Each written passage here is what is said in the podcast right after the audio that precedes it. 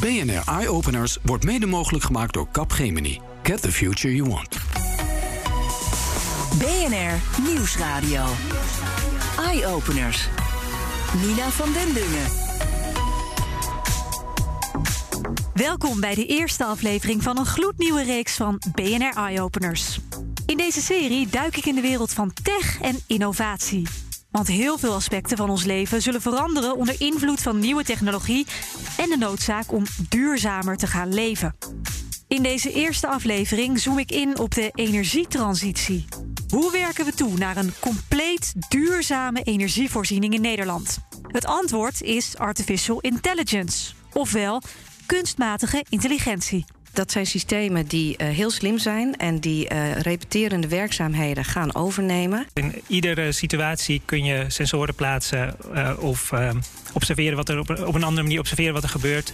Maar zijn de bedrijven die onze energie transporteren, namelijk de netbeheerders, klaar voor het gericht inzetten van kunstmatige intelligentie? Zelf denk ik dat je het misschien wel bij elk aspect wat wij doen als netbeheerder, dat je het in meer of mindere mate kan toepassen. Deze eerste aflevering trappen we feestelijk af vanaf een speciale locatie. Namelijk in het hoofdkantoor van onze sponsor Capgemini in Utrecht. En daar is geheel coronaproof, dus online, een groot congres bezig over innovatie. Ik zei het al, we hebben het vandaag over de energietransitie. Hoe helpt kunstmatige intelligentie ons in het realiseren van een totaal nieuwe en zuinige manier van energievoorziening en ook van gebruik? Daarvoor gaan we eerst even naar de basis. Want wat is kunstmatige intelligentie nou precies? Ja, er bestaan heel veel verschillende interpretaties van. Maar ik probeer het simpel te houden en ik zeg: uh, we gebruiken daarvoor data om slim te redeneren met behulp van de computer. Matthijs de Weert is universitair hoofddocent in de algoritmiek aan de TU Delft. Hij vat kunstmatige intelligentie samen als een systeemtechniek. Een manier om allerlei processen in de maatschappij te kunnen monitoren met sensoren. En aan de hand daarvan te gaan berekenen hoe we zaken als onze energievoorziening het slimst kunnen gaan regelen. In iedere situatie kun je sensoren plaatsen uh, of uh, observeren wat er op, een andere manier observeren wat er gebeurt. En dan proberen uh, modellen te combineren met die data om uh, bijvoorbeeld beslissingen te ondersteunen of processen verder te automatiseren.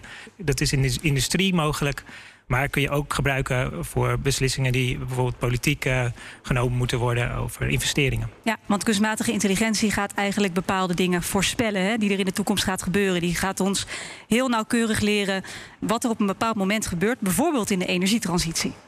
Ja, een uh, heel belangrijke techniek uh, in de kunstmatige intelligentie is machine learning. En daarmee kun je uh, patronen ontdekken. En je kunt dan aannemen dat die patronen in de toekomst zich ook voordoen. Dus op daar, basis daarvan kun je voorspellingen doen. Nou, wordt ook voor weersvoorspellingen al gebruikt. Wat we nu ook veel meer zien, is dat je dan die voorspellingen vervolgens ook gebruikt om te ondersteunen bij beslissingen. Ja, zoals? Nou ja, een van de belangrijkste uitdagingen in deze context is investeringsbeslissingen in het energiesysteem. Dus waar gaan we bijvoorbeeld een grote opslag met batterijen neerzetten? Wat is het best voor het systeem? Of wat is het effect als je ergens een uh, warmtekrachtcentrale zowel gebruikt voor het verwarmen van een wijk als uh, voor het opwekken van elektriciteit? En wat is dan een goede plek daarvoor? Wanneer zou je dat moeten doen? Hoe groot zou dat moeten zijn? Uh, nou, dan is het handig als je voorspellingen hebt over uh, hoe de elektriciteitsprijzen in de toekomst zich gaan gedragen, het weer in de toekomst. Dat wil iedereen weten, hoe die prijzen zich gaan gedragen. Ja, als je dat weet, kun je ook nog rijk worden. Precies. Maar uh, wat je ook moet weten is, uh, hoe gaan mensen zich in de toekomst gedragen? Nou ja, dat kunnen we niet echt exact voorspellen. En waarom moet je dat weten? Omdat je wil weten hoeveel elektriciteit ze nodig gaan hebben. Ja, je wil weten hoeveel elektriciteit ze nodig gaan hebben. Als veel mensen een warmtepomp neerzetten en een elektrische auto hebben, dan hebben ze heel veel elektriciteit nodig. Um, en je wil ook weten of ze bijvoorbeeld zonnecellen gaan uh, installeren op hun dak. Want dan gaan ze elektriciteit produceren. Mm -hmm. En als je dat goed kunt inschatten, dan kun je ook inschatten wat je aan uh, de infrastructuur nodig hebt, elektriciteitsinfrastructuur. Dus zowel de hoogspanningskabels als, als wat onder de grond ligt. En daar je beslissingen op baseren. Uh, ja, precies. Dus dan kun je goed inschatten wat er nodig is. En wat het effect is uh, van bijvoorbeeld slimme oplossingen. Ja. Want we kunnen dat, die infrastructuur kunnen we ook nog slim maken. En dan kun je ook weer met kunstmatige intelligentie. En hoe dat slim maken nou precies werkt, daar komen we straks op. Eerst even naar de praktijk. Want uiteindelijk zijn het de energiebedrijven die hier het voortouw in moeten gaan nemen. En ze doen dat gelukkig ook al. Bij Bijvoorbeeld Enexis, een van de negen regionale netbeheerders in Nederland. Enexis uh, beheert het uh, elektriciteits- en gasnetwerk in uh, Groningen, Drenthe, Overijssel, Noord-Brabant en Limburg. Je hoort Annemieke Bulters, Chief Data en Digital Officer bij Enexis. Het bedrijf voorziet een kleine 3 miljoen Nederlandse huishoudens van stroom. En Enexis zet ook al de eerste stappen in het gebruik van kunstmatige intelligentie. Voor elektriciteit is het heel belangrijk dat de vraag en aanbod van elektriciteit altijd met elkaar in balans is. Vroeger was dat heel eenvoudig, want je had klanten aan de ene kant en je had opwek aan de andere kant. Mm -hmm. Tegenwoordig is het energiesysteem best wel complex geworden met uh, zonnepanelen, windparken, noem maar op. Mm -hmm. Ja, want dus wij het... leveren terug. Ineens als consument krijg je van ons terug. Ja, ja. Dat, uh, nou, dat, dat waren we niet gewend. Nee, precies. Dus dat hele systeem is best wel complex geworden. En om, omdat die vraag en aanbod uh, met elkaar in balans moet zijn... Um, is ook trouwens ook nog eens afhankelijk van het weer. Want als de zon heel hard schijnt, dan wordt die decentrale opwek een stuk meer. Um, er, iets minder, of hoeft er iets minder geproduceerd te worden. En waar we bijvoorbeeld kunstmatige, kunstmatige intelligentie voor gebruiken, is om te voorspellen van wat gaat er nou gebeuren? Hoe gaat ons net nou belast worden? Zodat we aan, eventueel aan de vraagkant of juist aan de aanbodkant kunnen uh, bijsturen. En dat doe je door te kijken naar resultaten uit het verleden, neem ik aan. Uh, verschillende dagen met 30 graden. Dan kijk je hoeveel airco's gaan er in Nederland aan, hoeveel stroom wordt er opgewekt. Zo zie ik het voor me. Ja, dat een dus, beetje... Uh, op basis van sensordata uit ons net, maar ook op basis van weersvoorspellingen. Door dat met elkaar te combineren en dat dus elke dag opnieuw te doen, kunnen we nou ja, tot een paar dagen in de toekomst kijken. Om op basis daarvan te kijken, ja, wat, ja, wat gaat er nou eigenlijk gebeuren? Klinkt allemaal vrij logisch. Toch? Maar er komen toch ook nogal wat moeilijkheden bij kijken. Wat was er nodig om dat mogelijk te maken bij Enexis? Want het is nogal een complex systeem. Is het een, een, een kwestie van een paar uh, softwarekastjes installeren, wat hardware erbij en klaar is Kees? Of is het een stuk ingewikkelder? Nou, het is wel wat uh, ingewikkelder dan dat. Uh, tuurlijk gaat het ook om software en hardware. Het gaat ook om mensen. Het gaat ook over processen. we hebben niet zomaar die kennis in huis. en we moeten oefenen. En waar we ook mee te maken hebben is uh, wet en regelgeving. We kunnen niet zomaar uh, uh, alles wat we zouden willen. Maar het belangrijkste is toch wel dat je enerzijds die data krijgt, dat je inzicht krijgt in die data. En dat je ook die patronen kunt herkennen. Van wat gebeurt hier nou eigenlijk? En op basis daarvan kan je vervolgens verder bouwen. En uh, nou ja, kom je tot die uh, voorspellende modellen. Noem eens een voorbeeld waar, bijvoorbeeld, uh, waar jullie tegenaan lopen in regelgeving. wat je ze wel zou willen als het even zou kunnen, maar wat niet mag. Nou, voor een heel groot deel uh, heeft dat te maken met het gebruik van data. En met het principe schoenmaken blijft bij je leest. Als netbeheerder hebben wij bepaalde wettelijke taken. En, uh, Energie leveren. Transporteren. Precies, ja, transporteren, ja. Precies. En uh, sommige dingen die wij doen, die, die komen eigenlijk in dat schaduwgebied. Dus als het, wat? Nou, bijvoorbeeld wat ik net zei met dat um, balanceren van dat net. Eigenlijk mogen wij het alleen maar inzichtelijk maken en zijn er andere partijen om daar vervolgens actie in, te ondernemen. En op het moment dat de wetgeving tot stand kwam, toen was dit helemaal nog niet mogelijk. Dus da daar is helemaal niks over in opgenomen in de wet van wat is daar nou echt de rol van de netbeheerder in. Nou, en daarbij dus het gebruik van data. Nogmaals, op het moment dat de wetgeving tot stand kwam, die data was er niet. We hadden die sensoren uh, niet in ons net zitten. -hmm. Nou, dus het gebruik van die data, daar is eigenlijk ook niet zoveel in opgenomen in de huidige wetgeving. Nu, de data van jouw eigen sensoren in het net, die mag ja. je gebruiken. Dat mogen we gebruiken. En wat ja. voor data zou jij nog meer willen die je nou, bepaalde, niet mag gebruiken? Bepaalde data uit uh, slimme meters bijvoorbeeld. Daar zit. Ja. Uh, van mij. Je wil eigenlijk iets van mij weten wat je niet zomaar mag weten. Wat, wat, wat wil je van mij weten, Annemiek? Nou, eigenlijk wil ik iets weten van jouw straat. Niet zozeer van jou. Want dat, ja. dat individu, dat, dat, You don't care. Nee. daar okay. zijn we niet zo heel erg in geïnteresseerd. Maar wel uh, de combinatie van die individuen tot een bepaalde straat of wijk of noem maar op. Um, maar omdat het vooralsnog gaat om het. Je begint bij dat individu, daar wordt de data verzameld. Nou, dan is het best wel ingewikkeld uh, van ja, tot welk aggregatieniveau of hoe laag mogen we gaan om die data dan wel te gebruiken. Maar wat wil je bijvoorbeeld weten van mijn straat? Bijvoorbeeld hoeveel uh, uh, energie er teruggeleverd wordt. Ja, dus wij, wij hebben in de straat behoorlijk wat zonnepanelen, kan ik je vertellen.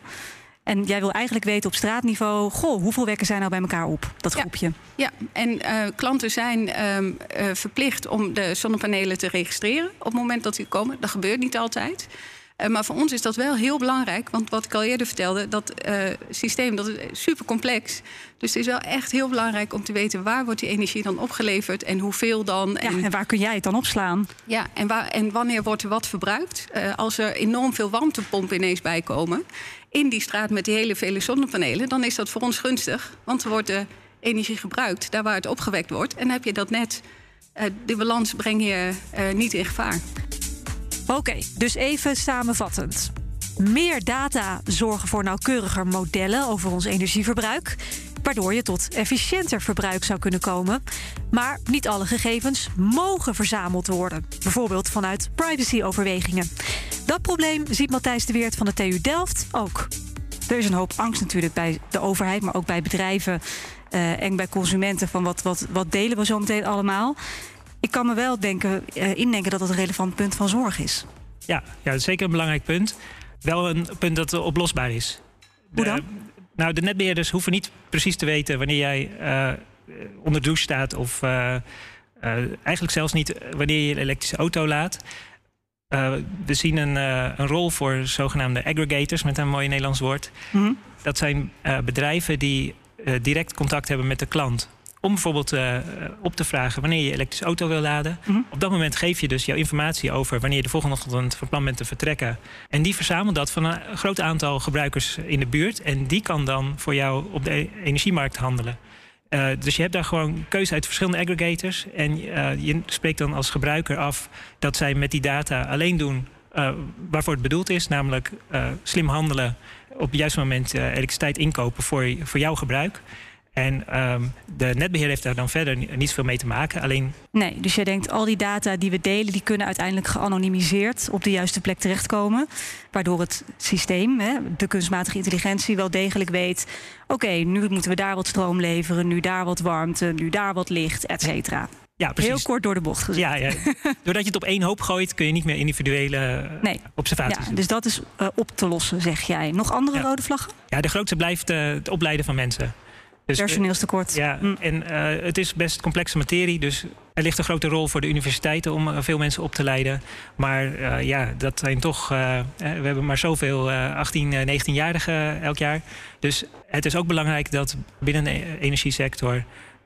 meer aandacht komt voor het opleiden van mensen die dus heel veel van die energiesector afweten, maar nog niet zoveel van, van kunstmatige intelligentie. En laat mijn volgende gast dat probleem nou juist willen tackelen.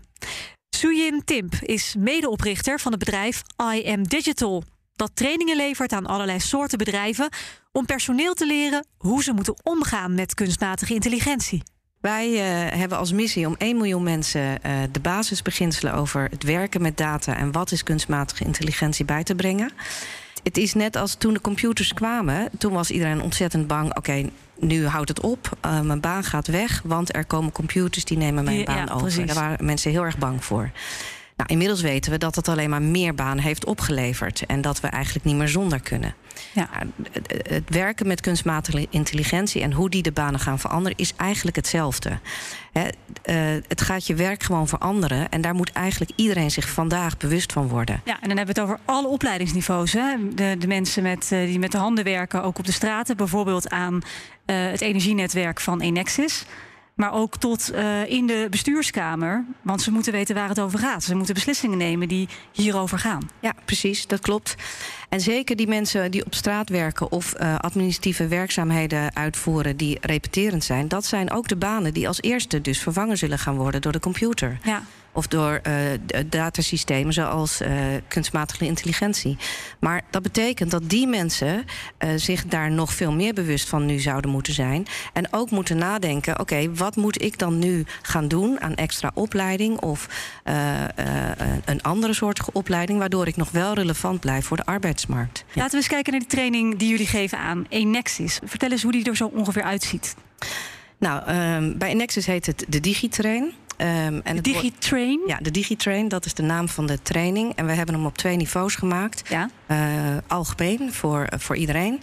En uh, die duurt dan uh, zes tot acht uur. Maar dat zijn allemaal korte microlearnings... die je in blokjes kan doen en die je in je eigen tijd kan doen. En we hebben een versie gemaakt van een uur. Meer voor het buitendienstpersoneel. Um, en die, ja, die gaan er vaak ook gemeenschappelijk doorheen. Samen inloggen als de de afdelingsmanager zegt of hun, hun, hun baas zegt: we gaan dit doen. Nou, dan help je ze mee. Uh, op gang te gaan. En dan nou, gaan ze dat zelf doen. En wat leren zij daar specifiek? Bijvoorbeeld de mensen in de buitendienst? Nou, we hebben een, een deel gemaakt op maat voor Enexis. Dus dat, dat gaat heel concreet met voorbeelden van wat doet Enexis nu al aan de energietransitie en hoe gebruiken zij al de data en AI. Maar ook hoe voer je die data in. Um, uh, wat voor slimme manieren zijn daar? Want dat zijn wel de mensen die dat doen. Dus als zij beter begrijpen dat hoe zij die data invoeren gebruikt wordt, dan zullen ze dat ook misschien iets zorgvuldiger doen. Of in ieder geval begrijpen uh, waarom ze dit doen en waarom ze dit moeten doen. Ja. En zij moeten nu met iPads werken. Dat hoefden ze vroeger niet. Dat, dat is natuurlijk ook al heel vervelend als je op een iPad moet werken terwijl je 30 jaar dat niet hebt. Met je opschrijfboekje ja, bent precies. Ja, precies. Maar als je begrijpt wat er dan met die data gebeurt en, en, en hoe dat het bedrijf helpt en hoe het ook eerlijk gezegd noodzakelijk is, ja, dan, dan neem je daar wel uh, weerstand weg. Je krijgt eenzelfde manier van praten. Uh, de begripsvorming is gewoon groter. Een deel van het personeel moet zogezegd even een drempel over. Zo zag ook Annemieke Bulters van Enexis. Ja, maar niet zozeer weerstand als ik wil hier niks mee te maken hebben. Maar het is meer, meer weerstand voortkomend uit wat kan ik ermee of wat moet ik ermee. Omdat het nog gewoon een beetje ver van, uh, van je bedshow is. Mm -hmm. Ja, ik zou het eigenlijk ook geen weerstand willen noemen. Ik zou het uh, gezonde huivering willen noemen. Uh, om te kijken van ja, wat, wat, wat kan ik hier nou eigenlijk mee? En hoe verandert mijn werk hierdoor? Ja. Nou, en daar moeten we onze medewerkers in begeleiden. Ja, en jullie kregen dan uh, e-learning trainingen, hè? Dus gewoon, ja, wat, wat, wat, wat zie je dan op je scherm? Wat gebeurt er dan? Nou, het is echt uh, heel leuk, want het is opgebouwd op basis van mini-learnings en ook ja, een beetje blended learning. Dus je krijgt verschillende. Um, soms krijg je gewoon een, een stukje uitleg, uitleg, in tekst. Soms is er een quizje, soms is er een YouTube-filmpje. YouTube uh, waardoor het eigenlijk heel tastbaar en concreet wordt. Brr, klinkt als mijn cybersecurity awareness trainingen, die ik fantastisch vind, not. Nou ja, nee, ja. nou ik, ik was heel, uh, heel uh, enthousiast door deze training. En wat we, wat we daarbij ook gedaan hebben, misschien zit daar dan wel de crux waarom ik dit hier wel enthousiast van word, ja. is dat we het um, ook wel. Um, nou, enigszins op maat gemaakt hebben voor de doelgroep, zodat het echt aanspreekt. Dus dan is het niet zo'n training die moet je doen omdat je het moet doen, maar dat je denkt: oh, wacht eens even, maar zo. Dit is voor mijn vak. Dit belangrijk. is voor mij relevant. Ja. ja. Komen we tot slot nog even terug bij universitair hoofddocent algoritmiek Matthijs de Weert. Hij schetst namelijk wat er op het gebied van onze energievoorziening allemaal mogelijk zal zijn als we de techniek echt slim maken. De huidige elektriciteitsinfrastructuur uh, is zo gemaakt dat uh, wat we ook doen, het blijft draaien. En dat is heel erg prettig. Ja, gelukkig, ja. Maar als we ook uh, een deel van de verwarming gaan doen door middel van elektriciteit... en ja, in plaats van met gas, dan hebben we mhm. dus veel, gaan we veel meer elektriciteit gebruiken met z'n allen. Ja. Daar is die infrastructuur, die, die, zeg maar in de afgelopen 50 tot 100 jaar is aangelegd... niet op gebouwd, niet op ontworpen. Nou, een van de oplossingen die je zou kunnen doen is zorgen dat sommige van uh, sommige delen van ons verbruik, zoals het laden van een elektrische auto en die warmtepomp, juist die nieuwe, uh, die gebruiken heel veel elektriciteit, ja. maar die zijn wel flexibel.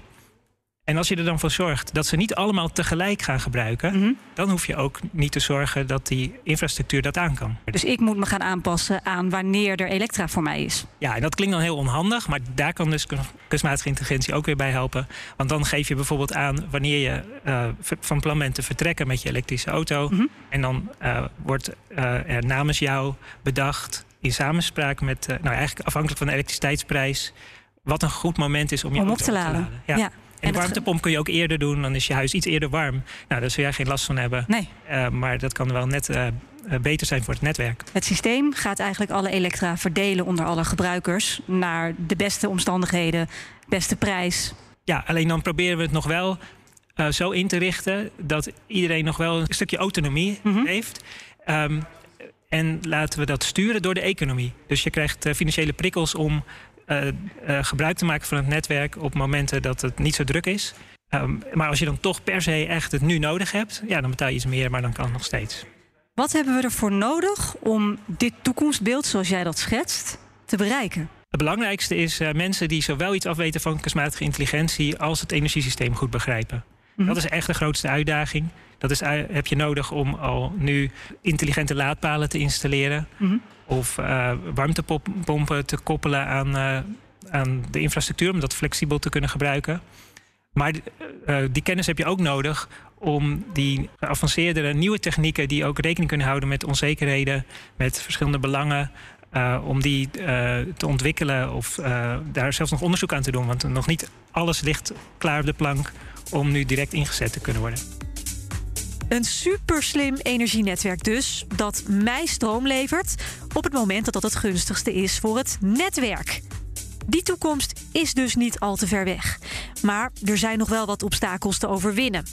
Zo moet er over een paar jaar een nieuwe energiewet komen vanuit de overheid. Die het mogelijk maakt om netbeheerders zoals Enexis nieuwe mogelijkheden te geven om data te verzamelen en zo het netwerk efficiënter te kunnen inrichten. De mensen zijn nodig, die snappen hoe ze die data zo slim mogelijk verzamelen en wat ze daar vervolgens mee kunnen. En daar springt weer een bedrijf zoals IM Digital op in. En meer onderzoek en innovatie is nodig om dat energienetwerk van de toekomst ook daadwerkelijk te kunnen bouwen. Kortom, we zijn er nog niet. Maar we zijn al wel een eindje op weg. En dat is toch al wel heel inspirerend. Dit was BNR Eye Openers, aflevering 1 over de invloed van kunstmatige intelligentie op onze energievoorziening. Volgende week krijg je een nieuwe aflevering en die gaat over gezichtsherkenning. Wordt ons gezicht het nieuwe toegangspasje voor op kantoor? Eye-openers krijg je elke week als eerste online als podcast via je favoriete podcast-app. En elke donderdagavond om 7 uur hoor je hem op BNR Nieuwsradio. Graag tot volgende week. BNR Eye Openers wordt mede mogelijk gemaakt door Capgemini. Get the future you want.